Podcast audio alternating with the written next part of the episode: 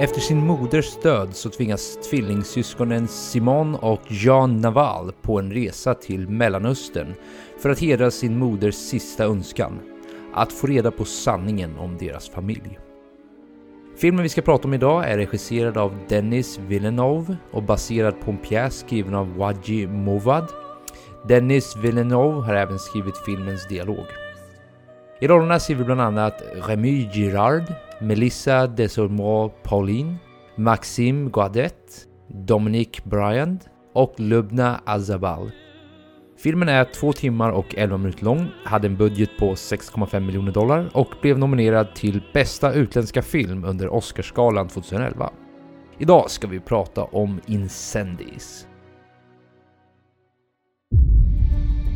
As far back as I can remember, I always wanted to be a gangster. The first rule of Fight Club is you do not talk about Fight Club. Did you eat all this acid? That's right.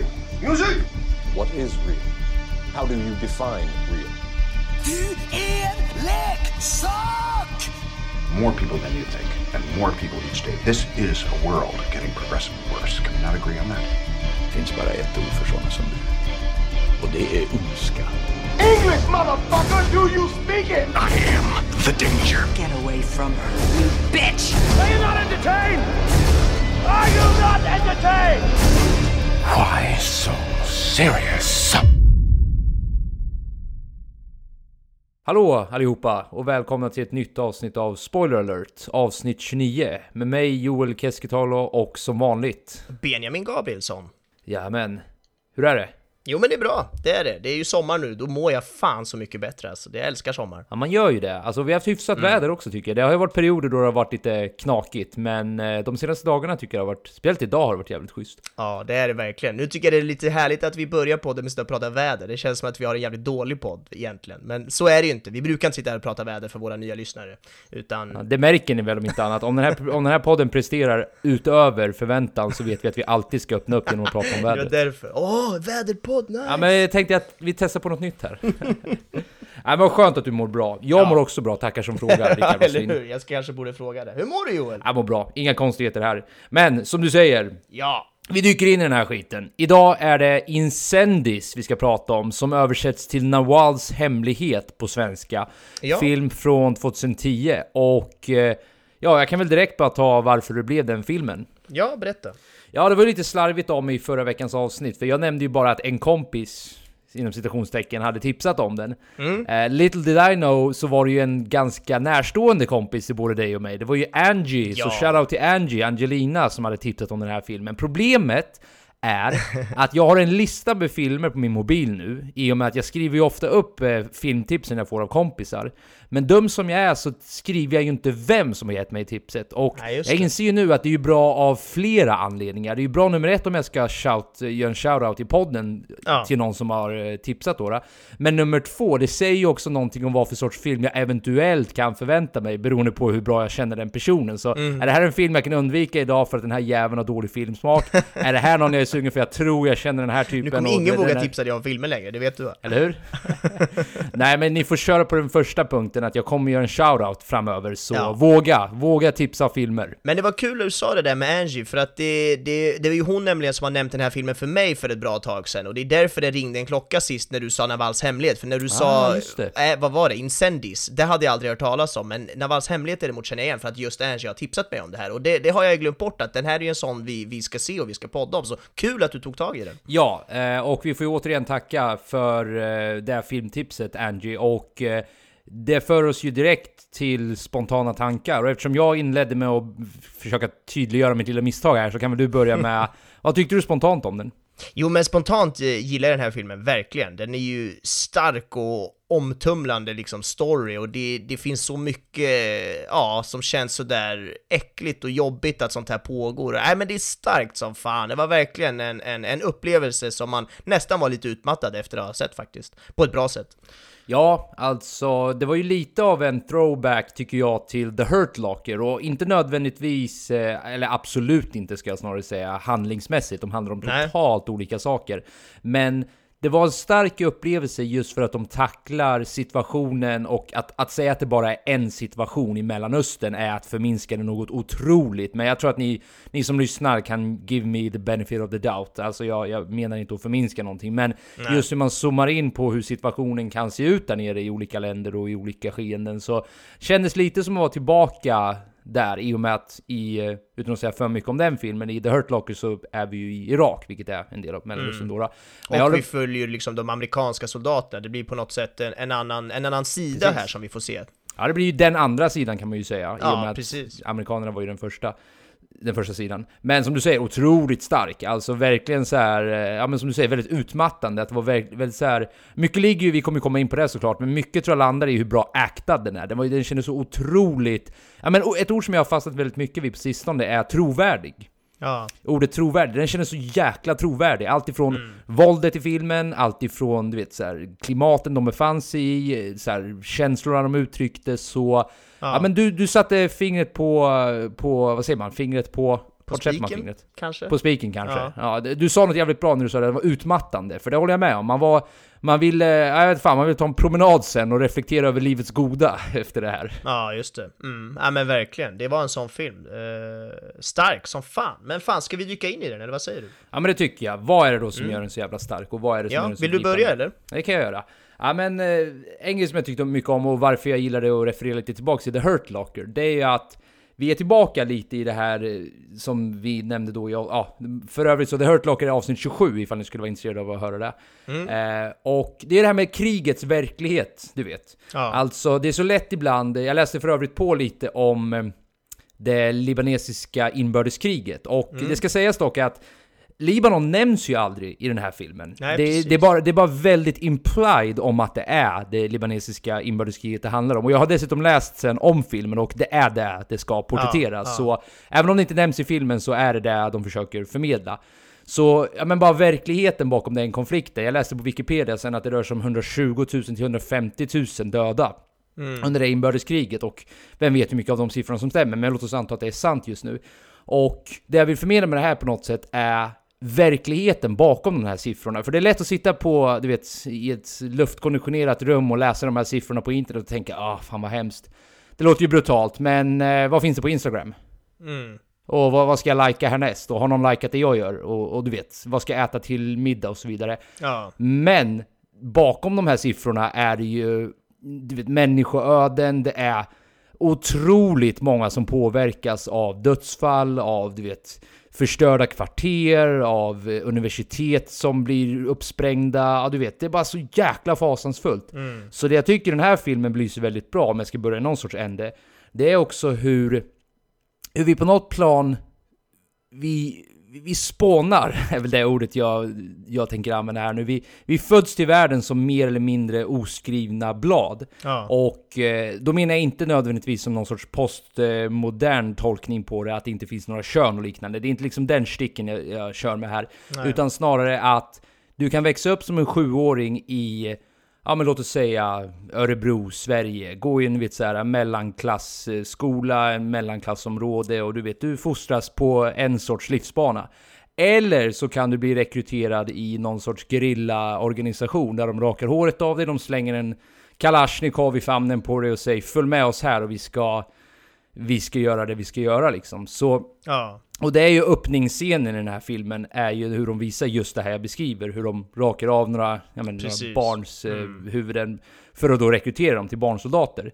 Så med det vill jag ha sagt att det, det är otroligt snyggt hur de visar här att vi är i grund och botten inte riktigt ansvariga för att vi blir de vi blir. På något plan är vi det, men på något plan är vi också offer för omständigheter som ligger helt utanför vår kontroll. Jag menar, de där sjuåringarna valde ju knappast miljön de skulle växa upp Nej. i. De valde ju inte umgänget de skulle fostras med. De valde ju inte det som sattes i dina, deras händer, men ändå befinner de sig i den situationen. Så, ja men lite där tyckte jag filmen var väldigt bra på att belysa, det här verkligheten bakom kriget och hur till och med de fr- mest fruktansvärda terroristerna, om man ska använda ett sånt starkt ord, är egentligen också offer för såna här katastrofala systemkollapser. Så, ja men lite där kan jag väl börja. Vad, vad tänker du? Ja men verkligen, det är jättespännande. Du, du, du vidrör vid så många intressanta poänger här och jag tycker din huvudpoäng är väl egentligen kanske det mest intressanta just att det, man, man föds ju inte ond egentligen. Det, det är väl väldigt få människor tror jag som gör det, eller ingen skulle jag nästan vilja hävda, utan det är ju precis som du säger, det är saker i din omgivning, det kan vara du själv, men det är också på ett eller annat sätt din omgivning i så fall som får dig att gå åt ett viss riktning.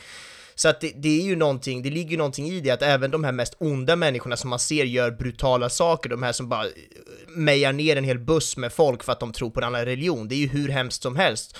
Men de har ju också antagligen växt upp med att det här, så här ska ni göra, det här är vad ni har lärt er. De kanske inte ens har reflekterat över att det här är dumt för att de bara har fått det där inmatat i att så här ska vi göra och det, det, det är det vi håller på med. Och jag menar inte att försvara dem på något sätt, men jag menar snarare att man kan försöka förstå andra människor, man kan förstå vart sånt här kommer ifrån, att det, det är så lätt som du säger, att vi sitter här borta med våra Instagramflöden och AC och allt vad det är och att man bara liksom, åh jävlar vad de är dumma i huvudet där nere. Nej, det är, liksom, det är inte så enkelt, utan det, det, det ligger så många lager i grunden på varför vi har kommit, eller varför de har kommit till den punkten de är i idag. Och ja, det, det gör ju den här filmen väldigt bra, att lyfta de här olika punkterna. Jag tycker det finns så mycket sånt, det är ju extremt mycket starka scener och, och hemska scener som, som vidrörs vid hela tiden i filmen. Det är, det är ju såklart kriget som vi får, som vi får se och, och ta del av på olika sätt, men det är ju också det här med hedersvåld, det är tortyr, det är våldtäkt, och alla de här ämnena är ju i sig otroligt tunga och jobbiga att ens fundera över, att ens tänka att de finns. Ja, de finns, inte här i Örebro där du och jag sitter och har det mysigt, utan de finns på andra ställen och det är fucked up. Och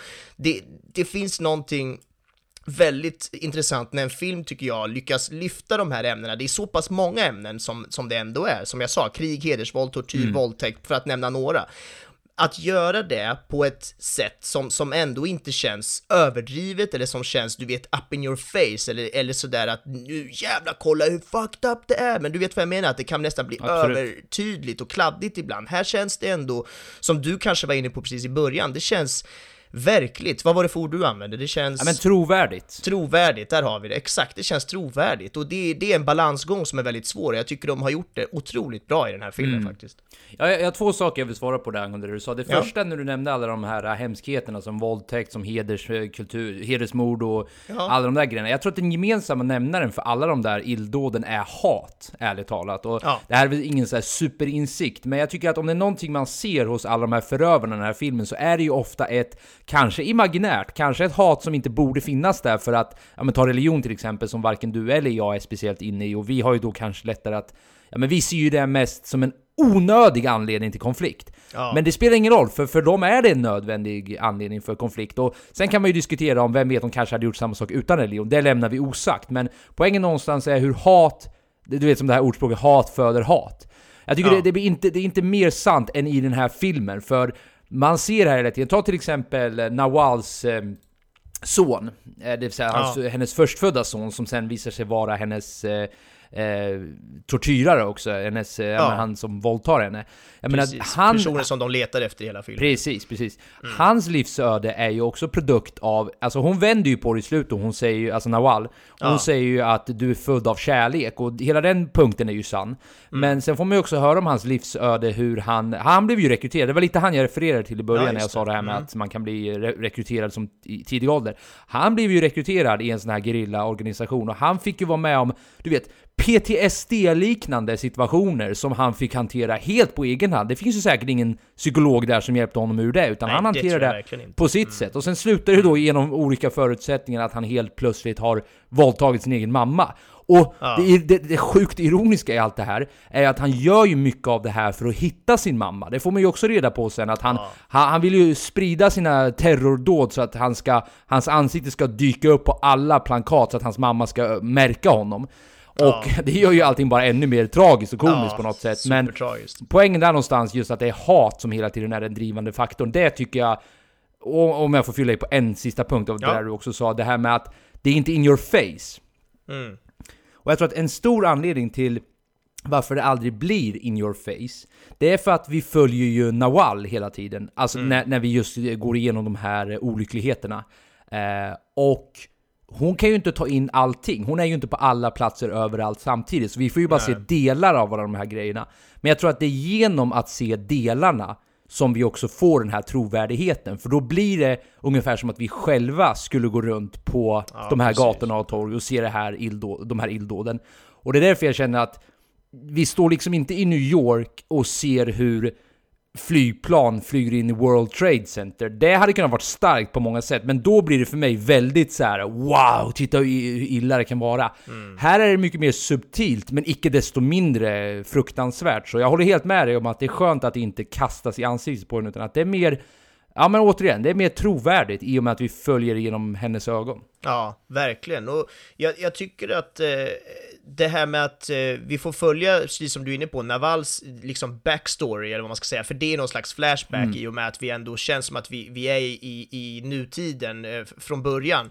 Eh, eller det är vi ju egentligen inte, första scenen är ju från, från dåtiden, men skitsamma, vi får ju i alla fall följa två olika tids, eh, tidslinjer här samtidigt. Det vill säga dels Navals, hur, hur hon födde den här pojken och att hon sen flera år senare försöker leta efter pojken och hon, hon ja, hamnar i fängelse och blir torterad och allt det där. Men vi får ju också samtidigt se liksom tidslinjen av hennes två eh, senare födda barn då, de här tvillingarna, d- dottern och, eh, alltså brodern och eh, systern. Jag har inte namn på dem, ska vi ha det kanske? Ja, de heter, de heter Simon och Gian och jag har ju väldigt svårt att uttala skådespelarnamnen. Vanligtvis ni som har lyssnat på podden så brukar vi ju säga hm, hm, hms karaktär bara för att verkligen förtydliga vem vi pratar om. Men jag har svårt att uttala namnen så Simon Marwan och Gian Marwan heter ju de två karaktärerna du syftar på. Precis, men Simon och eh, Jean skulle vi kunna säga då för, för, för Mm. enkelhetens skull. Men det är ju precis de då, att vi får ju också följa deras story när de också ska leta efter den här brodern då som de inte, som först inte visste om att han fanns och som de ska försöka ta reda på vart han kan befinna sig, om han lever och så vidare. Och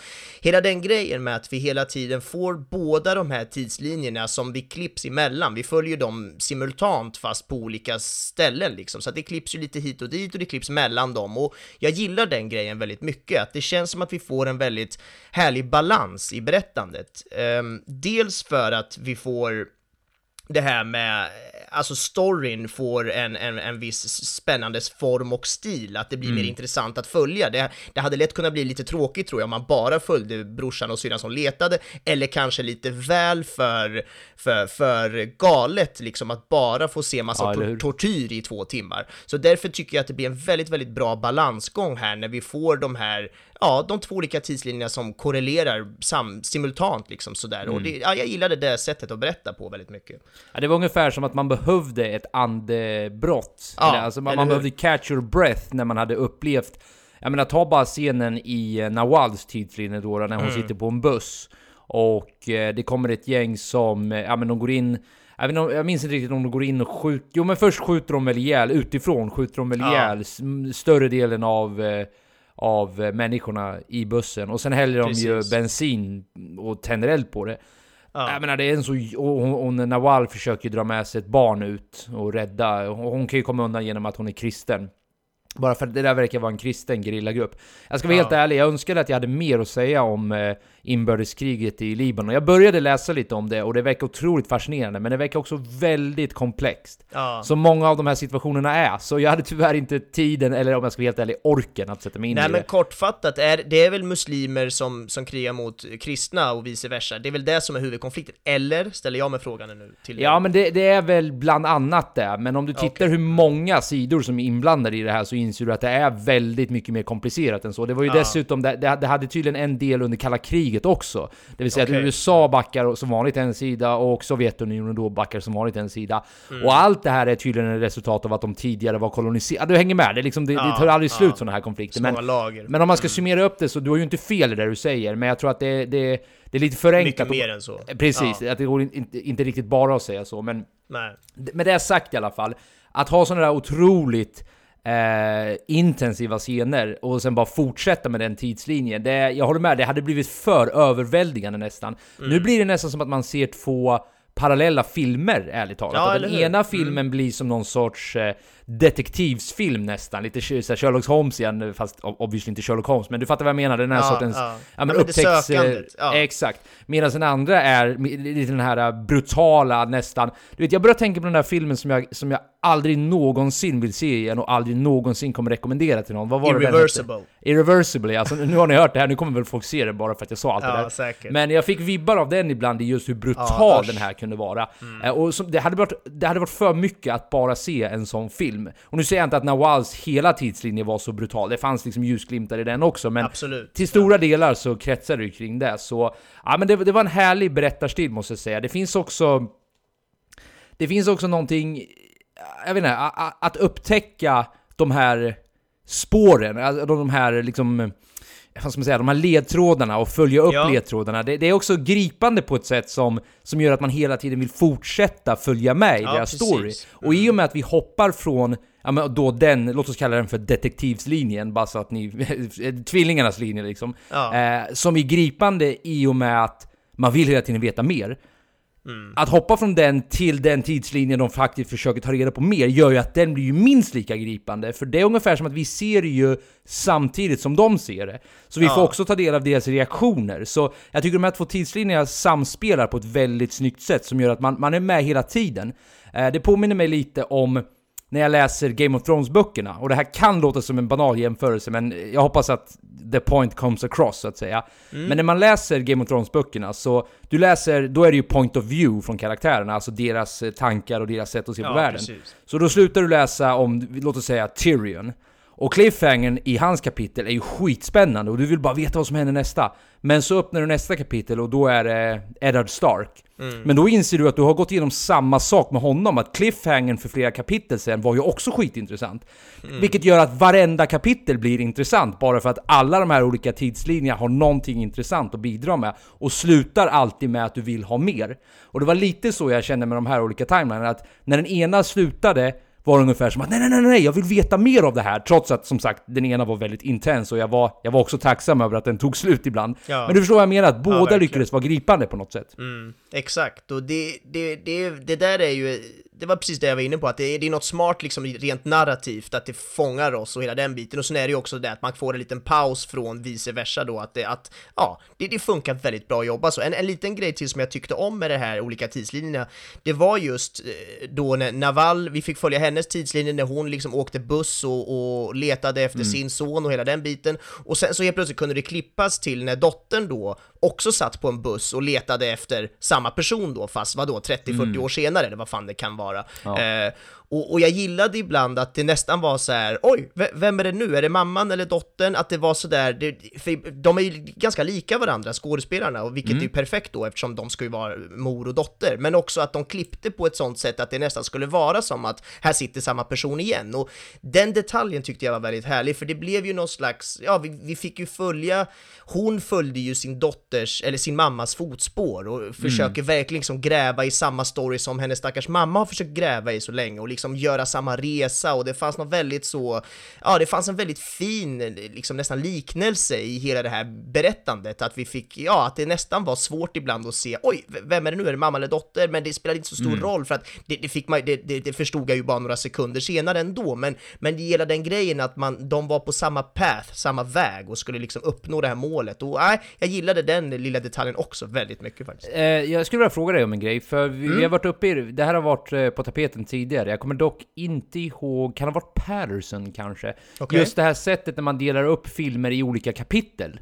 Ja, Eh, för den här var ju eh, uppdelad i små, ibland ser man ju hur det står till exempel Nawal, och så du vet, då Ja. under den lilla sessionen så presenterades ju Nawal, och Mm. eh, det kan vara The Twins, eh, vad heter det, ja men då tvillingarna, och så presenteras de under det lilla segmentet. Hade du några tankar på det, eller var det någonting som bara flög förbi dig utan att du direkt reflekterade över det? Nej men jag tänkte ju på det och, och, jag, jag, jag brukar spontant tycka om sådana små kapitelindelningar. Dels för att det, det, det ger en, ett förtydligande i berättandet, att här, nu är det här som sker och, och det är det här du ska få ta del av. Och, och, men här, här var ju heller inte skyltarna supertydliga om exakt vad det är som det ska handla om, utan det, det tror jag nästan jag tror att just i det här fallet så var det någonting som gick mig, som jag la mindre vikt vid. Jag liksom registrerade det, tog in det, men det var inte så att jag satt och funderade eller tyckte att det gjorde något jätteupplösande för mig att ta in storyn, att det var avgörande för hur bra den här filmen var, utan jag, jag gillar det och det funkar bra, men det var inte en av de mest så här, viktiga skyltarna, eller vad man ska säga, skyltanvändandet jag har sett i, i en film på det sättet. Hur Nej. tänkte du kring dem? Nej, men jag är väl lite kluven i vad jag tycker om det ärligt talat. Ja. För jag, jag kan ibland tycka att, eh, jag vet inte, det stör mig lite ibland. Det är ungefär Okej. som att filmen säger åt mig Alltså häng med nu, det här kommer hända. Ungefär Ja, som att, jaha, kan Mm. inte jag lista ut det på egen hand eller? Och jag vill inte heller att, det var bara en detalj jag tänkte på nu när vi ändå pratade om berättarstilen. Jag hade inte ens planerat att ta upp det, så jag var lite nyfiken bara för jag har inte riktigt landat. Det är som du säger, det, det är också en väldigt grej som är, den är väldigt subtil. Det märks knappt ärligt talat. Det, det flashar förbi Mm. ganska fort, men jag vet inte, bara idén bakom det. Alltså jag vet som sagt inte. Det, det är någonting med att jag jag vill, vara så, jag vill vara så inne i filmen jag bara kan bli. Ja. Och när det då dyker upp en text som på något sätt påminner mig om att ja, men det är en berättelse och nu är vi på det här kapitlet i berättelsen. Och titta, då vet jag ju redan att ah, det här är ett kapitel som kommer kretsa kring den här Nawal. Jag vet inte, det kanske är jag som övertänker grejer här nu, men det var bara en, jag, jag- jag vet att vi har stött på det här tidigare och jag har inte riktigt samma sak som jag sa då, alltså i Patterson går det inte att jämföra för hela den filmen eh, och för övrigt, jag kan inte, varken jag eller Benji kan rekommendera den nog. Det är en av de bättre filmerna vi har sett på länge och vi poddade den i avsnitt nummer eh, 22.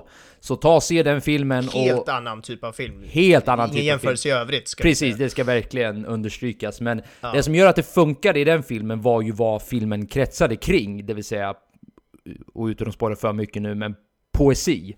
Så Ja. det går inte riktigt att jämföra där, men ja, jag vill egentligen inte gå djupare Nej, in men på okej, det. men ja. då, då, är det, då är det egentligen, du, du känner lite så här med skyltar överlag, det var inte just den här filmen, Nej, utan det är precis. skyltar på det här sättet. Ja, okej. Och det är väl Mm. där, Ja, som men sagt, jag vet ju inte riktigt själv vad det är jag stör mig på. Jag vet bara att jag stör mig på det. Ja. Nej men spännande. Jag, Bra jag tror- podd va? Ja, verkligen. Här sitter vi och säger vad vi stör oss på utan att ta reda på varför. Ja. Nej men det, det är som du säger, det, det är klart att det kan finnas massa anledningar och, och det kan säkert vara det där att du tas ur berättandet. Och jag, jag tror att jag, nej men jag verkar nog gilla det mer än du och det, det, jag har nog inte reflekterat så mycket över det heller. Men jag har inte, jag har inte känt någon gång att jag känner jävlar vad jag skulle vilja skippa den där skylten. Det Nej. har jag inte riktigt känt. Så att så är det med det kanske. Ja, vi, vi lägger det, vi får väl se om det dyker upp framtida situationer då vi kan diskutera det. Ja men precis. Eh, jag tänker att vi rör oss eh, mot eh, filmens twist. ja. Eh, och twisten... main vill du twist. förklara, vad är the main twist i den här filmen? Ja, men huvudtwisten då som, som uppenbarar sig mot slutet av filmen är ju då att när eh, Naval blir våldtagen i fängelset så är ju det hennes son som hon har letat efter tidigare i filmen och som även de här två tvillingarna letar efter. Så det blir alltså, och hon blir ju gravid med de här två tvillingarna av att han våldtar henne, så att han är ju deras bror och pappa, vilket är very, very strange på många olika sätt. Men det är det som är the big twist. Och om jag bara får fylla i lite färg i den twisten så... Ja. Eh, Nawal, hi- upp, alltså, hon, hon, hon träffar ju till och med på den här sonen i, Ja. i början slash slutet på filmen, för det är ju... Eh, alltså det är ju början man får se det, men det är ju inte förrän i slutet man får det förklarat och då återspelas ju den scenen. Eh, och då... Det är ju i Kanada, har jag förstått det som. Ja, det, det är ju där de stämmer. befinner sig och... Det är därför de pratar engelska och franska. Precis, eh, French Canadian. Eh, Yeah. Och eh, ja, bara, som sagt, bara för att fylla i twisten lite mer, att han faktiskt befinner sig i samma, ja men på samma badplats om man nu ska hårdra det liksom. Ja, Så det gör det ju exakt. ännu, jag vet inte om det gör det till någonting mer, alltså lite, man kan ju, man kan ju bli så här. Ja, wha- what are the odds? Men vi, vi kanske kommer dit i diskussionen. Så det, det är åtminstone twisten, och låt oss, låt oss dyka in i det där direkt. Vad, vad är dina tankar om, eh, om den här twisten? Nej men, jag ställer mig lite tveksam till det här. Alltså, för att jag tycker filmen var så jävla bra och så jävla stark rakt igenom och jag tyckte det var så spännande, precis som du var inne på det här med att vi får vara med och gräva fram den här storyn och hur det ska gå allting. Och jag kände nästan att det här slutet var lite too much, typ. Att, att, att den twisten blev så här: wow, vänta, det här var långsökt. Ska han, precis som du var inne på nu, att jag tyckte nästan att då ska han, ska han råka vara på andra sidan jorden, på den poolen där hon badar och har de där små tatueringarna på, på hälen och, och han är också den som har, han kände inte igen henne då vid poolen, fast han liksom har våldtagit henne i 14 år så kände han inte igen henne. Nej, jag vet inte. Det, det var mycket där som jag ställde mig frågande till, men jag har heller inte helt landat i om jag verkligen ska liksom dissa den här twisten helt, för att det finns någonting jävligt spännande i det och jag, jag förstår ju vad, vad, vad filmen försöker göra här som en, som en väldigt så djupt förankrad och djup twist överlag som verkligen ska få den här aha-upplevelsen, men det var någonting som fick mig att, att bli lite så här.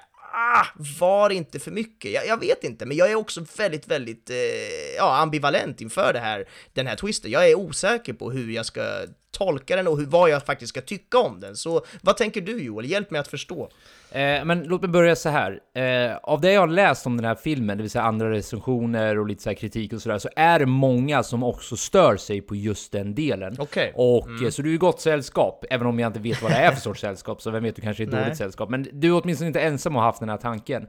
Eh, men jag kan, jag kan hålla med om det hade typ kanske inte behövts, är väl en tolkning man kan ha på det, för den var så bra innan och är fortfarande bra efter, men alltså den, den, den hade hållit utan att introducera extremt osannolika, alltså rent statistiskt och du vet vad man nu ska börja räkna med. Men jag tror jag är ganska, jag, jag tror jag har ganska lätt att ändå förbise det och jag är väl lite halvt förvånad över min egen reaktion, för vanligtvis brukar jag inte tycka om när trovärdigheten sänks. Nej. Det har ju redan nu varit en liten stick i det här avsnittet att jag gillar trovärdigheten och här, Ja. det här är för mig ett, eh, ett avsteg från den här annars konsekventa trovärdigheten. För det här är inte trovärdigt Nej, det, det är för liten chans att just det här ska hända. Mm. Det är min ena kritik mot det, och det är väl lite där du landar, eller inte landar kanske, men där du svävar nej, omkring just nu. Funderar vid, ja exakt. Ja, exakt. Så, men det jag tycker, den blev ändå så jävla mycket starkare när jag fick reda på det. Så det är inte det att jag säger att för mig handlar det lite om vad jag värderar mest här just nu. Värderar jag mest så här, upplevelsen av ja, men hur twisted allting blev, hur så här poetiskt det nästan blev, hur så här grekiskt dramaturgiskt det helt plötsligt blev. Ja. Och jag menar vad allt det implicerar.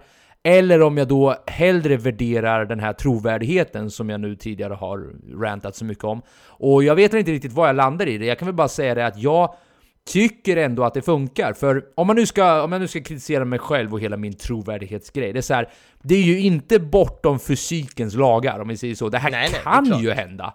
Det är ju bara att det Sjukare ex- saker har säkert Ja men exakt, och det är ju bara det att det är Ja. extremt osannolikt att det just händer så här. Men Ja. extremt osannolikt betyder ju inte noll, så att säga. Nej, så så det ju, det blir för mig att jag gör den tolkningen att det är klart att det kan hända, och så fort jag har accepterat det, då blir det jättebra för mig. Mm. Då älskar jag den twisten, för och actingen Ja. när, när Simon och... ehm, Eh, vad heter hon igen? Förlåt, Jean. Jean tror jag. Jan, ja precis. Eh, när, när de upptäcker det här är alltså fantastiskt. Han får ju typ en feber av det här upptäckandet. Han sitter ju, alltså Simon, Simon han- sitter ju helt knäckt. Ja. Så jag gillar ju twisten när jag har, eh, vad ska man säga, när jag har accepterat att den är där. Ja. Men det är väl just den här acceptansen som jag fattar att, ja men potentiellt du och jättemånga andra, just för att den hade fortfarande stått väldigt högt utan den twisten. Ja. Men äh, genom, eh, jag provpratade lite nu märker jag, Eh, och genom det här provpratandet så har jag ändå landat i att jag är mer än okej med det. Jag, jag är faktiskt glad att den var där, för det var väldigt uppfriskande eh, på ett väldigt disturbing sätt får man väl säga. Men det, det, jag tyckte ändå att det gjorde ändå filmen lite starkare hos mig. Så jag vet inte, hjä- hjälpte det här dig någonting? Ja men absolut, det gör det. Och jag tror precis som du sa där, nu när man får reflektera, man får ändå komma överens om att ja, det finns ju ändå en chans. Det kan hända liksom. Så att ja, Nej men jag, jag vet inte, i och med att jag tyckte filmen var så jävla bra rakt igenom så, så kommer jag inte låta det här få mig att börja nedvärdera filmen så, utan jag kommer heller kanske inte hylla det som att det var det här slutet som gjorde den här filmen så fucking bra, men, Nej. men jag, jag kommer nog inte såga det lika mycket som jag först kände direkt när jag såg filmen, för det var spontant där jag bara wow, wow, vänta, va? Are you kidding me? Alltså det kändes inte trovärdigt för att fortsätta med det som vi ändå tyckte, eller framförallt, ja, vi båda två tyckte hela filmen kändes. Så att, nej men jag landade ändå i att jag, jag accepterar det, jag köper det och filmen som helhet är fortfarande fantastisk, så är det. Ja, ja men alright. Eh, hur känns det här? Känns det som att vi har täckt av eh, själva filmen och kan röra oss mot det tekniska? Om man nu kan täcka av alla de här extremt Ja, svåra ämnena så har sant. vi väl ändå gjort någonting åt det hållet. Ja, jag, jag känner mig ändå ganska nöjd med tanke på vad vi har diskuterat, absolut. Vi har inte obegränsad tid och våra lyssnare har inte obegränsat tålamod. Så vi Det ska rör oss... gudarna veta! Det ska gudarna veta, ja. Så vi rör oss mot det tekniska. Vad har vi på det tekniska? Jo, men den här filmen är filmad med 35 mm film eh, med en Aricam SD. Eh, det är alltså analog film helt enkelt. Och det är ju av den enkla anledningen att de, den är tio år gammal, den spelades in för tio år sedan den här filmen. Och då var helt enkelt inte digital film lika, ja det, det var inte lika eh, vanligt, det var dyrt och det var, var precis på uppgång. Så att det, de hade inte, säkert inte riktigt kommit igång med den tekniken på det sättet. Jag tror att hade den här filmen spelats in idag så hade jag gissat att den hade filmats digitalt istället. Så är det, och den här kameran, Aricam SD, är ju eh, Aris som själva eh, märket heter, det är deras flaggskepp till kameran. Den har använts och gjort enormt många olika sådana här filmer. Alltså det finns så många filmer som vi har sett där man, som den här kameran just har filmat eh, de filmerna med. Så Mm. Har du några exempel då? Ah, inte så på rak arm, det, men jag vet Okej. att det är en sån man bara kan Kollar man upp så blir man förvånad över hur många filmer man scrollar igenom och bara ser det här i listan liksom, för att det är en sån Ah, okej. vanlig kameratyp, speciellt då för typ 10 år sedan och tillbaka några år. Men idag Mm. då så är det ju snarare då den här nya generationens digitala versionen av den här kameran som har tagit över och då är det den här Arri Alexa som jag har pratat om i flera poddar tidigare. Mm. Eh, och den har ju blivit det här nya flaggskeppet då som är väldigt vanlig och då har vi Arri Alexa Mini, den här lilla mindre modellen som är lite billigare och lite smidigare som till och med flera svenska mindre lågproduktionsfilmer filmer håller på med. Så att Arri överlag, A-R-R-I, Arri, är ju ett extremt eh, populärt eh, kameramärke då för, för långfilmer. Så så är det med det. Men eh, överlag, bildspråket och fotot, jag tycker det är väldigt, väldigt, väldigt snyggt foto. Det, är- det är otroligt vackra kompositioner, eh, där de använder liksom eh, miljöerna och, och, och rummet på ett väldigt smart sätt tycker jag. Det är ja, men mycket utomhus och du vet, de, de, de behöver inte använda så mycket externa lampor och grejer för att det är redan så mycket solljus och de, de utnyttjar det de har i sin omgivning för att göra det här fotot väldigt vackert och ja, jag tycker det är, ja, det är skitsnyggt helt enkelt. Filmat i Jordanien och Kanada va?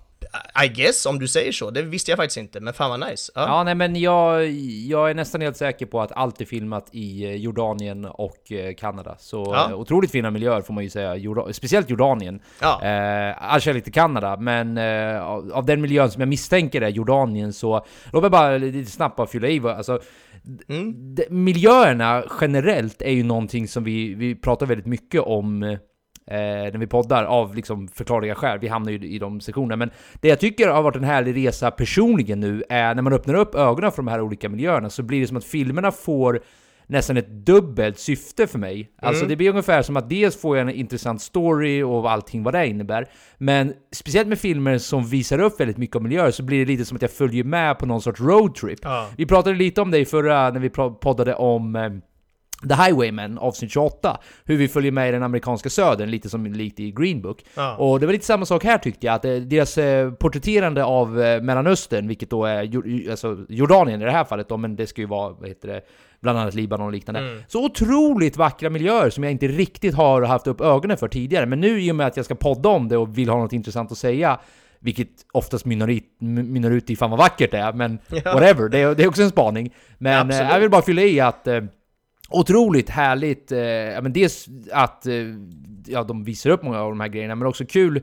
Jag tycker det är bra att vi lyfter det också, för jag tror att många kan jag ska inte uttala mig för hur andra ska se filmer här nu, många kanske redan har fått upp ögonen för det här, men just miljöer tycker jag har börjat spela en mycket större roll i hur jag ser filmer nu tidigare. Inte för att jag var helt, det är klart jag inte var helt blind för det tidigare, men nu har det fått än, ett ännu större djup så att säga, nu när jag verkligen har börjat lagt märke till det. Så ja, bara en liten instickare. Ja men vad roligt, kul. Det är, jag håller med, det är underbart när det är vackra miljöer i film och det, då bygger det ofta också på att det är ett väldigt snyggt foto som kan fånga och porträttera de här miljöerna på, på ett trovärdigt och snyggt sätt, vilket de verkligen har lyckats med i den här filmen. Och en sak som de har använt väldigt mycket, så om vi bortser från de här miljöerna och går in lite mer på, på, på närbilder och så när de har jobbat mm. kanske med mer dialogscener, då har de använt en hel del eh, kort skärpedjup som det kallas. Och det innebär ju att en stor del av bilden är suddig, men att det är bara en liten del av bilden som är skarp. Till exempel då när två personer sitter och pratar med varandra, så, så ser man att liksom precis där de sitter, eller den ena personen till exempel sitter, där är det eh, skarpt, medan allt annat i bilden är oskarpt. Och det här är ju dels väldigt snyggt, tycker eh, lite nerds personer som jag, för att det, det, det är snyggt. Man, ja, man tycker ofta så, så, brukar man prata om att det ser proffsigt ut, det ser snyggt ut, det ser lite filmiskt ut att jobba på det här sättet. Eh, och det är alltid härligt. Men det är också det här med att det faktiskt finns, eh, eh de kan hjälpa till lite grann i berättandet med hjälp av det här korta skärpedjupet. Och det är till exempel när, eh, vi kan ta ett exempel när de här två tvillingarna sitter i, i och, och, pratar med den här äldre gubben som hjälper dem en del, jag kommer inte ihåg vad han, vad ja, hans ärlighet heter. Han har väl jobbat hans... med Naval i många år, eller Ja, hur? hon hade väl varit hans sekreterare och så i det här fallet så var väl han ansvarig för hennes sista testamente. Ja, eller hennes testamente exakt. och sista vilja och allt det där. Precis, precis. Och det, de sitter ju ganska många scener och pratar med honom, alltså de här två tvillingarna, syskonen. Eh, och, och, då till exempel när, när de två sitter där så kan kameran stå lite vid sidan av dem och tack vare det här korta skärpedjupet då så kan alltså de kan välja vem vi ska titta på, så det kan vara lite skarpt på den ena av dem och så, så kanske den andra säger något och då glider skärpan över, en så kallad skärpedragning över till den andra personen och så kan de hålla på lite sådär för att hjälpa oss att titta på den ena eller titta på den andra och ja, det, det, det är ett väldigt smart sätt att jobba på. Dels för att det är snyggt men också för att det hjälper till lite grann i berättandet. Så att det, det har de använt en hel del här och det, det, det tycker jag om i alla fall personligen, om jag ska vara lite subjektiv. Man kan ju hata det såklart, men det är tråkigt. Um, bildspråket överlag är väldigt, väldigt blandat. Det är ju alltså både stillastående kamera med långa tagningar, men det är även ganska rörlig kamera som, som följer efter väldigt mycket när de är ute och går till exempel. Och där känns det som att de har använt, jag säger känns för att jag har inte exakta uppgift vad de har använt, men det finns en, en konstruktion som kallas för steadicam och det innebär att du kan montera kameran på en stor sele på din kropp. Det här används mycket i sportevenemang och liknande när en kameraperson går längs med fotbollsplanen till exempel.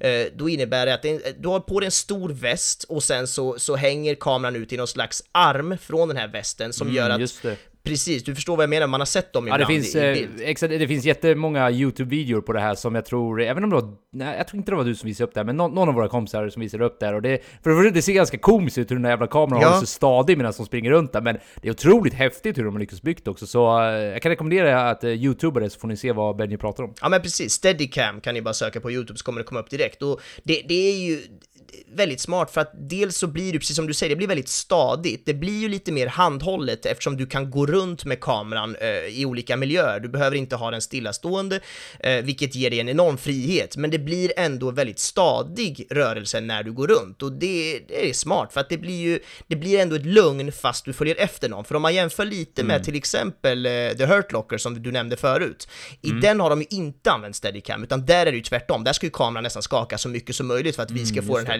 liksom, vi är mitt inne i, i fucking krigsscenen i princip. Och då blir det en helt annan feeling på, på filmen, medan här, speciellt i de här scenerna närmare slutet när, ja men när brodern och den här gubben då som hjälpte dem, alltså Navals gamla eh, chef, ja, ja, när de är inne och går i den här byn och ska hitta någon att dricka te med, du vet vilken scen jag menar.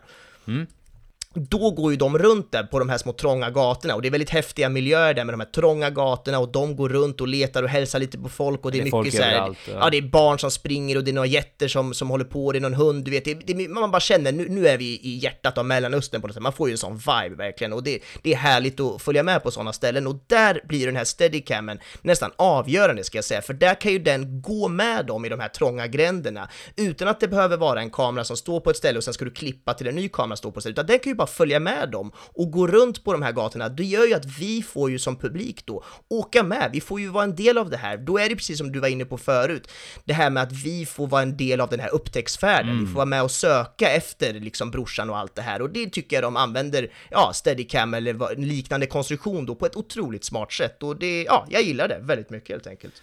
Uh, jag skulle vilja inflika en annan grej som jag tyckte var väldigt nice, ja. uh, och det är på, när det gäller just det tekniska, och det är, jag nämnde lite det i, i början när vi pratade om själva filmen, men mm. jag tänker bara betona det en gång till, och det, det är hur brutalt uh, ärligt de verkar ha porträtterat våldet i den här filmen. Ja, mm. Och jag vet att det här kommer låta hemskt nu, såklart. Men jag tror att ni, ni som har lyssnat på podden, ni förstår vad jag menar med det här och ni som inte gör det, ni får helt enkelt börja lyssna så kommer ni göra det.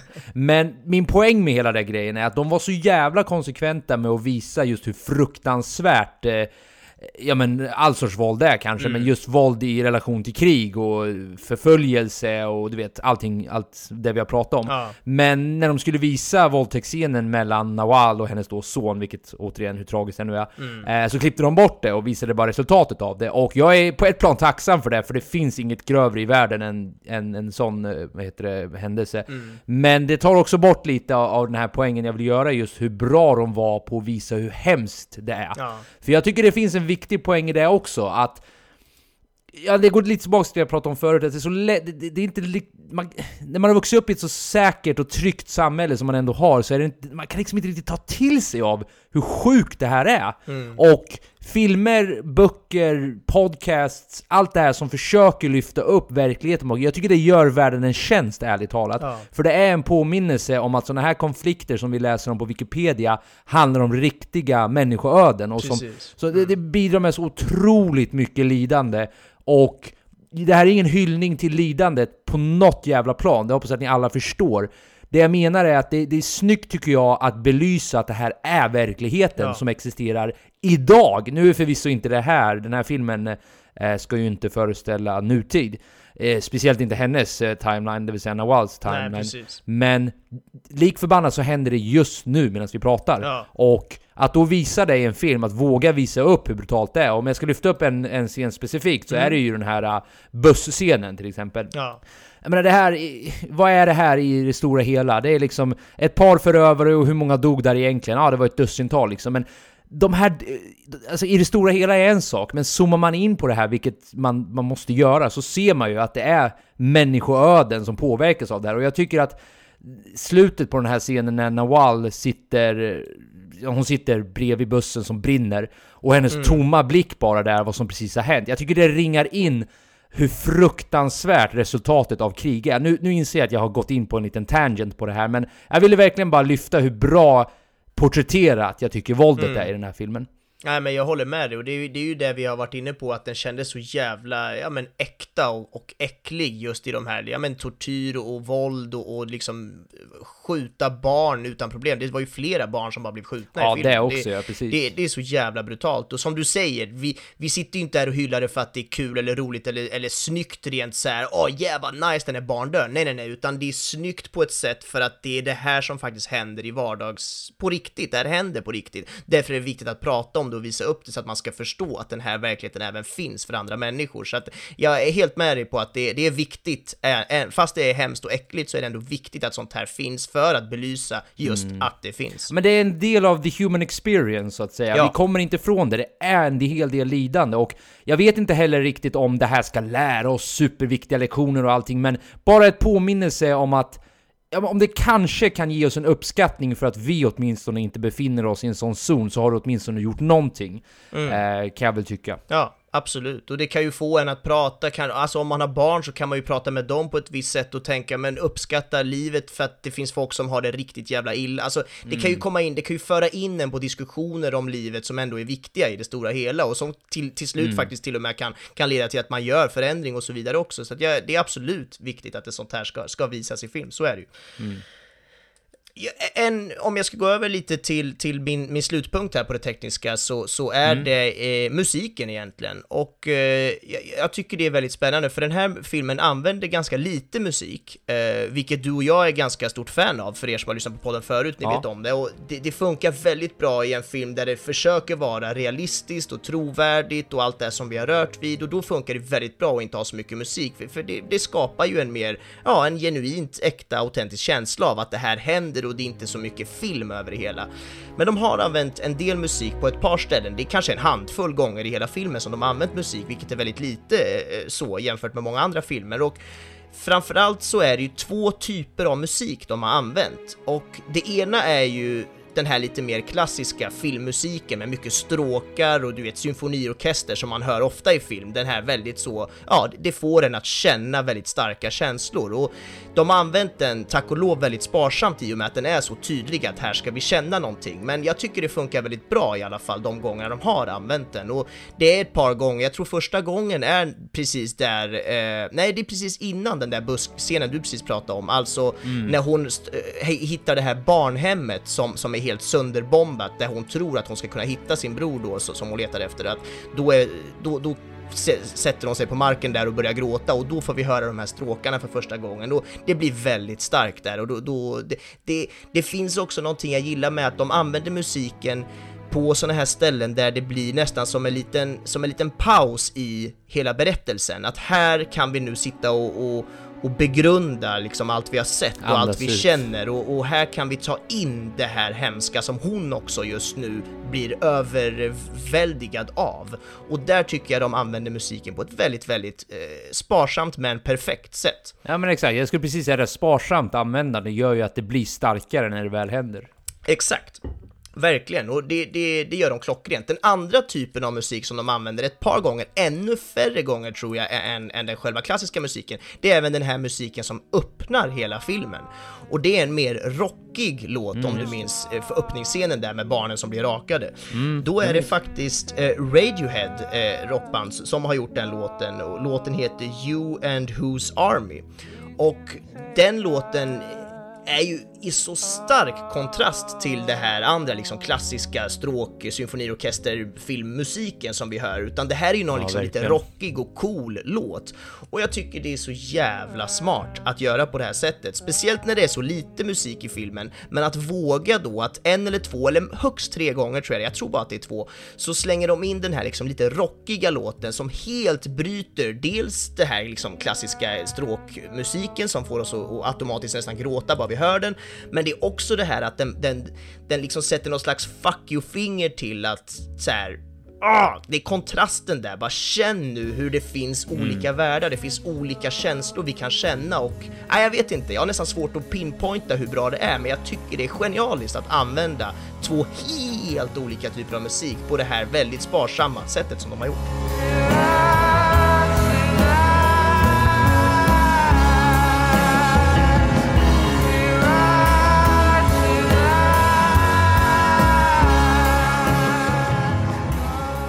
Verkligen. Alltså om man ska ta den här öppningsscenen där... Eh, ja men du sa precis att det är lite av en fuck you-känsla. Det- Jag tänkte direkt Ja. på det när...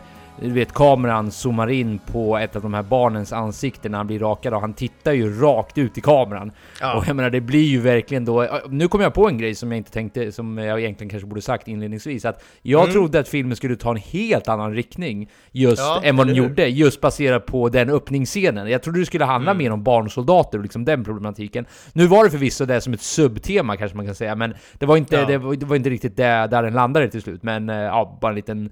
En, eh, eh, men en liten insikt jag hade. Ja, nej men helt rätt. Eller insikt är fel ord, men du fattar vad Jag menar. fattar precis vad du menar och jag kände samma sak. Jag trodde också att filmen var på väg någon annanstans. Så jag, jag är väldigt glad att den gick den riktningen den gick. Jag blev inte besviken av att den inte gick den där linjen utan... Verkligen. Jag glömde till och med bort det för nu typ. Ja, exakt. Ja, men det var en snygg detalj. Så är det med det. Och ja, nej men då är jag ganska nöjd på, på allt det jag brukar rabbla på om. Så det är om vi ska gå över till lite skådespel kanske.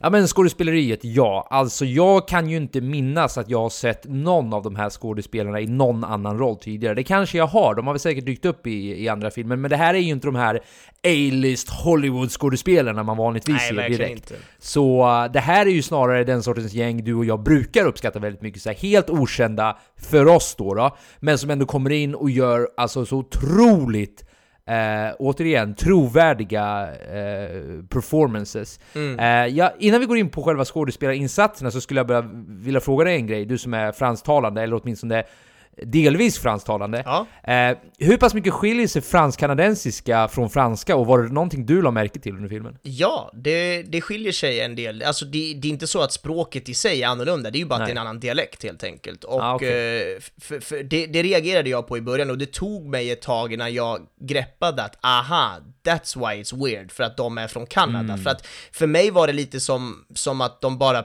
pratade lite konstigt och nu får eventuella kanadensiska lyssnare, jag tror vi har minus fem på den fronten, men jag, jag, jag, jag bara säger ursäkta, jag menar inte att dissa ert språk, men för mig som inte är van att höra, jag, jag har typ aldrig hört en kanadensisk fransk prata sådär i, i längre meningar, längre fraser, så blev det nästan bara som att det var lite så skumt uttal eller bara, nej men det var bara weird, jag har, kände, kunde inte greppa det överhuvudtaget, så det tog mig en stund innan, de, innan jag greppade, för det var väl någonstans de till slut nämnde Kanada eller sa, eller du vet, man förstod det till slut helt enkelt, och då trillade ju polletten ner och då förstod jag, ah såklart, så där pratar man franska i Kanada, men absolut, det, det är en dialektal skillnad som är inte så superallvarlig, men man hör att det, de kommer från Kanada helt enkelt, så, så är det med det. Ja, så om vi börjar i den änden. Jag tycker det är ett otroligt eh, vackert språk, måste jag säga. Både franska, men också då fransk-kanadensiska. Och eh, för en som inte talar ett ord franska, så jag märker ju ingen subtil skillnad mellan dem. Det var därför jag ville fråga dig lite. Men alltså otroligt, eh, jag tycker det är väldigt... Eh, I och med att jag hör det så sällan också, så varje gång jag hör det så bara njuter jag av det. Det, det kan också ha Ja. bidragit till eh, min filmupplevelse i sig, just för att eh, det- man liksom, jag vaggades in i det språket och det var bara så skönt att följa med där. Men nu, nu är jag där igen, där jag har svårt att säga, jag kan egentligen bara sätta så jävla bra skådespeleri från samtliga, och istället för att bara säga eh, men alla karaktärer har gjort bra jobb, så skulle jag vilja lyfta upp några specifika stunder som jag tyckte var väldigt starka. Ja. Eh, en av dem nämnde jag redan, det var den eh, när Nawal sitter utanför den brinnande bussen. Det tyckte jag var en otroligt stark, eh, ja men bara, som sagt, Ja. bara hennes ansikte, hennes uppgivna, förtvivlade, eh, ja men, bara desperata ansiktsuttryck när hon sitter där och bara världen, Ja. alltså det är bara skit det här. Det är en av de starkaste scenerna. Och sen tycker jag då den här scenen när tvillingarna inser att de är födda av incest. Ja. Och scenen då, ja, när, hur, hur de reagerar på det här tycker jag också är en Mm. otroligt eh, vad heter det, bra skådespeleri. Och sen en tredje, om jag bara får lyfta upp det, den äldre versionen av Nawal. Och Mm. nästan alla scener hon var med i och hennes... Eh, ja men man ser ju på något plan i hennes ögon hur traumatiserad hon är efter allting som Mm. har hänt. Och det kanske är mer cred till makeup ändå då, men jag tycker att det, det är väldigt gripande att bara titta på henne. Och i- vid, vid poolscenen där när hon ser och inser att det är hennes son som har tagit sig till Kanada och står framför henne, son slash rapist. Eh, samma sak där, hennes reaktion där är ju en av Alltså det är så... Bara hennes... Jag vet inte, det är någonting med sättet hon stirrar ut i intet som, som gör det så, så gripande på Hon har något jävligt sätt. bra tom blick på det där. Precis, hon har en väldigt bra tom blick som bara... Och har man då sett hela filmen och inser vad hon har gått igenom så, så vittnar det ju till... eh, Ja men... Det, det är så lite som krävs för att ändå säga så mycket. Men hon säger inte ett ord, Ja. men man vet ändå på något plan vad det är hon förmedlar med den där blicken. Så Mm. annat än att bara säga bra skådespelarinsatser så eh, sådana här moments tycker jag är otroligt starka. Mm. Har du något? Vad tycker du?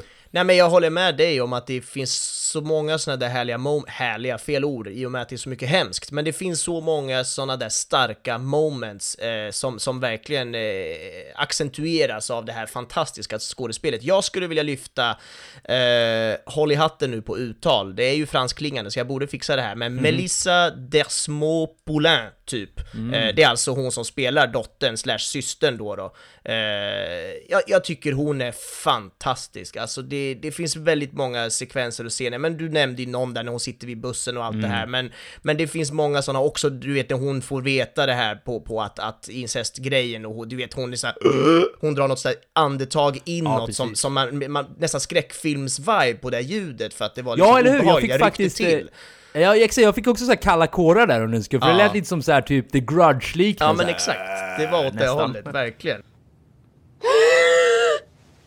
Det var, nej, det var riktigt jävla bra av henne. Jag tycker hon var, stack ut och var bäst, eh, om jag får vara ärlig. Men de andra var jättebra också. Det var ingen som jag kände, åh bu. Men ja, nej, men så är det med det. Så det är, som du säger, svårt att gå in på i och med språkbarriär och allt vad det är. Ja.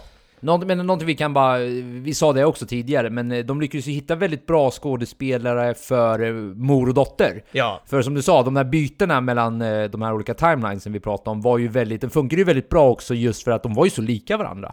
Så man får verkligen ge dem props för att de hittade två skådespelerskor som, ja, som är så lika varandra. ja verkligen. Och by the way, ännu en instickare. Kul för mig att läsa upp det där namnet i introt. det kommer bli väldigt kul. Jag ser fram emot Ja, det. Det gjorde jag redan jag innan vi började. Eh, men okej, lite slutord och favoritscen då. ja. Vill du börja? Oj, jag brukar inte börja. Nej men jag Du du brukar är så inte det, jävla men jag bra känner- på det där. Nej. Jag är sämst på det där Joel. Jag är bra på annat. Kan inte du ta det? Jag kan ta det där. Tack. Eh, Ja, men en otroligt stark film är väl någonstans huvud, hu- vad heter det, nyckelordet här. Och en scen som ändå porträtterar verkligheten bakom krig, invävt i två parallella storylines som båda i sig är otroligt gripande och som vars samspel mellan varandra också gör en, ja men som sagt jag sa förut med att den ena är inte minst lika intressant som den andra utan båda funkar på något sätt eh, tillsammans. En potentiell miss slash att de tappar lite fotfästet med twisten där, men som jag personligen ändå landar vid att jag gillar att den är med bara för att den, den förstärker filmen för mig. Ja. Men eh, som sagt, det är där man möjligtvis kan se potentiella problem. Ja. Nej men eh, det är bra sagt, jag instämmer. Jag tycker det är en otroligt stark film som, som lyfter så många svåra och eh, läskiga och bara så här, ja, den ställer så mycket frågor som man förstår att det här hemskheterna händer där ute och ja, sånt är ju gripande verkligen och sen narrativet, de här olika ja, tidslinjerna vi får följa, det är väldigt smart sätt. Jag tycker de fångar mig på, på ett eh, på ett härligt sätt där jag verkligen är insugen i storyn och sen ja, twisten på slutet. Jag har ju landat i att jag mer gillar den nu än vad jag gjorde förut, men jag är fortfarande lite så här, ja, ah, den hade kanske inte behövts enligt mig. Jag tycker filmen var så jävla bra eh, innan också liksom. Men Härlig film överlag. Härlig fel ord igen. Jag menar ju att upplevelsen i sig, jag älskar ju film så därför säger jag härlig. Jag hoppas folk förstår att jag inte sitter och njuter av de här hemska scenerna på det här, utan jag menar bara att det är en härlig upplevelse men det är en hemsk film. Så säger jag. Mm. Tack! Uh, Okej, okay, men min favoritscen är den scenen som jag har refererat till väldigt många gånger nu och det är hela den där eh, när Noal sitter på bussen mm. och eh, hur personerna blir ihjälskjutna, hon försöker rädda en av eh, döttrarna. Ja. شو يعني انت ما شو مالك وحالك شو ب- تعرف اب انت شو يعني يعني قلت لك غلطان يا سيدي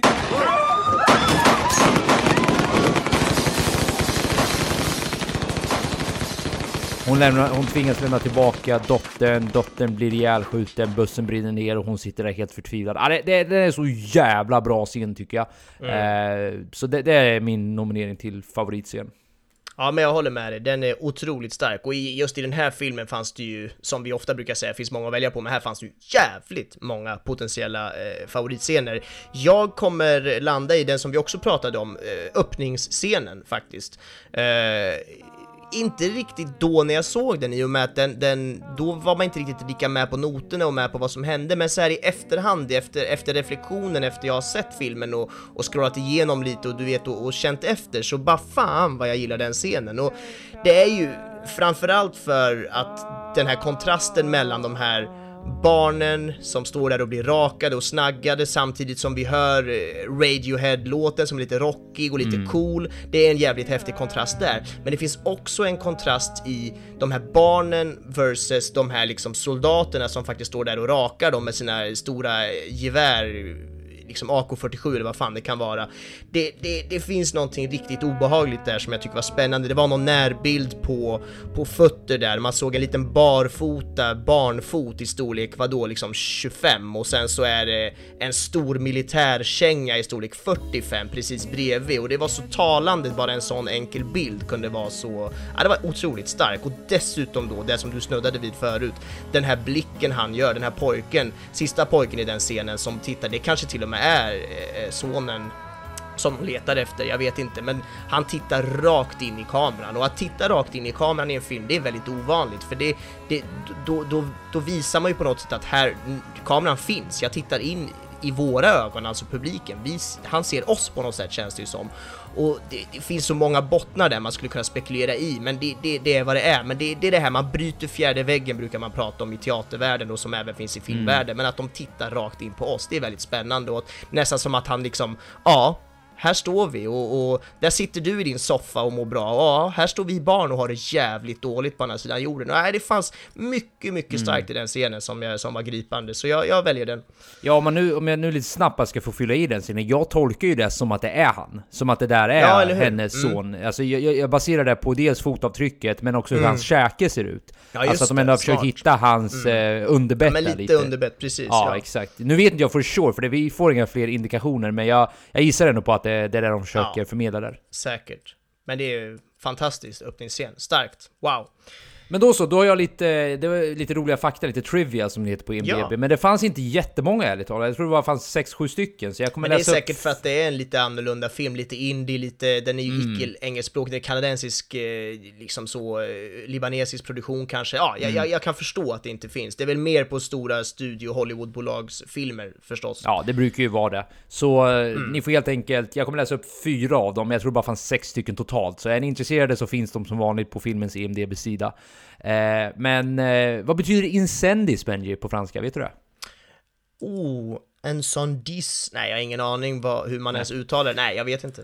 Nej, det betyder tydligen bränder, som Mm. då skulle vara den naturliga översättningen om man nu skulle, ja men den heter incendis, då kanske den ska heta, eh, I don't know, fires på engelska, eller bränder på svenska eller liknande. Men Alltså. av någon anledning så behöll den sin franska titel i eh, väldigt många länder, och de sket i översättningen. Mm. Men i många länder så la de istället till en, subtitel, vilket då blev The Woman Who Sings. Ah. Och den tycker jag funkar väldigt bra som en subtitel, för hon var ju The Woman Who Sang. Men det ställer ju frågan vad i helvete svenskarna höll på med, för vad Nawals hemlighet, ja visst, det make ju också sens, men det har ju ingen koppling till de här två titlarna, varken Incendis eller The Woman Who Sings. Men det där så- titelöversättningen brukar ju vara klurigt och jag kan ibland tycka att svenska Mm. titlar är ute och cyklar med hästlängder men ja, ibland försöker de tror jag hitta någonting som säljer för att hjälpa filmen i det här landet istället för att hitta någonting Mm. som är så likt som originaltiteln som möjligt så att man får väl försvara dem till det om, om inte annat. Så är det säkert.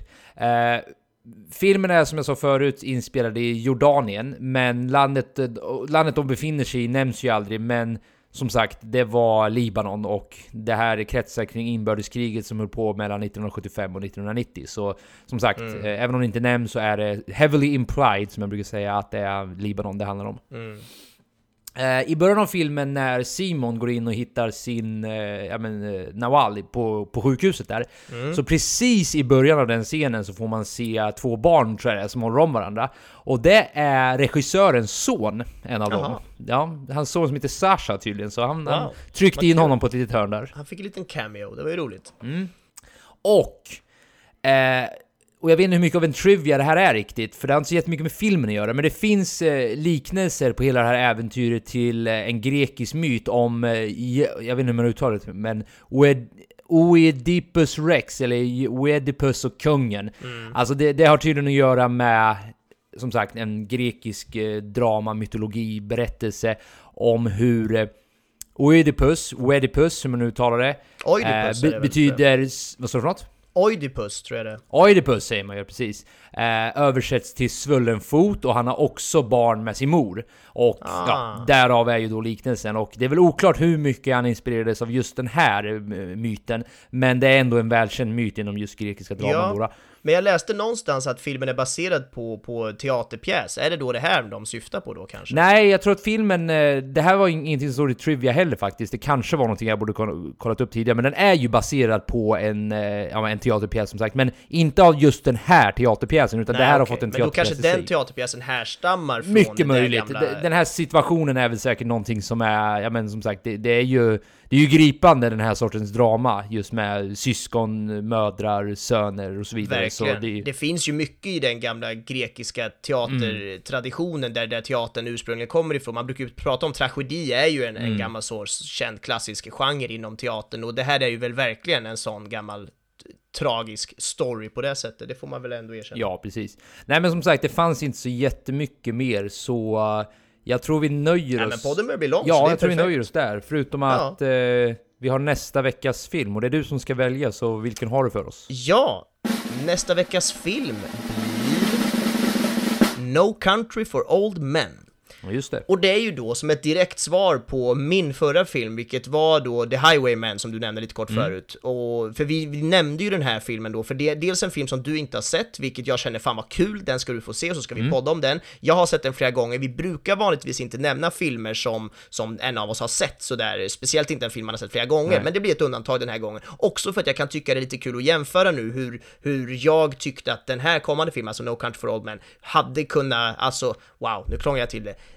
eh, Highwaymen som vi pratar om, The Highwaymen, eh, den hade kunnat varit mer som No Country for Old Men. Det kommer vi diskutera mer eh, i nästa veckas eh, podd. Mm. Och No Country for Old Men, by the way, kom ju 2007 om någon undrar det, för det kan vara lättare att hitta den och så vidare. Just det. det är bröderna Coen som har gjort den, så det, och det är riktigt bra skådisar Mm. eh, i den också. Så, så den tycker jag alla ska kika på. Mm. Eh, ni får gärna lyssna på podden också, men se filmen framförallt. Den är jävla bra film. Ja, det här är en sån där film som hela tiden har kretsat kring mig och man, man har fått höra väldigt mycket att Va? Har du inte sett den? Det här är verkligen en måste, Ja. måste film. Och jag kan ju tänka mig nu, och vi pratade lite tidigare om att sänk förväntningar och så vidare. Men eh, ja, jag ser fram emot den. Det, är- det är skönt att äntligen pricka av en sån där som är en måste-film så att säga. Så ja, No Country for All Men. Ja, härligt. Men då är vi ganska klara för idag va? Ja, vi finns på Facebook, vi heter Spoiler Alert där. Vi finns på valfri podcast-app, vi finns på Spotify och eh, ja, vi är jävligt tacksamma för att ni lyssnar. Har ni eh, tankar, åsikter, eh, feedback, vad som helst så kan ni alltid skriva i vår Facebookgrupp. Det uppskattar vi jävligt mycket. Ja, och det går ju att skriva privat om det skulle vara så att man inte vill kommentera så att alla ser det är helt okej det också. Ni, ni kan ju det där med internet, det löser ni. Det löser ni. Tack för oss hörni, på återhörande. Ha det bra, hej då! Hej då! Jag sitter i kallingen här och jag är så fucking svettig, det är helt sjukt!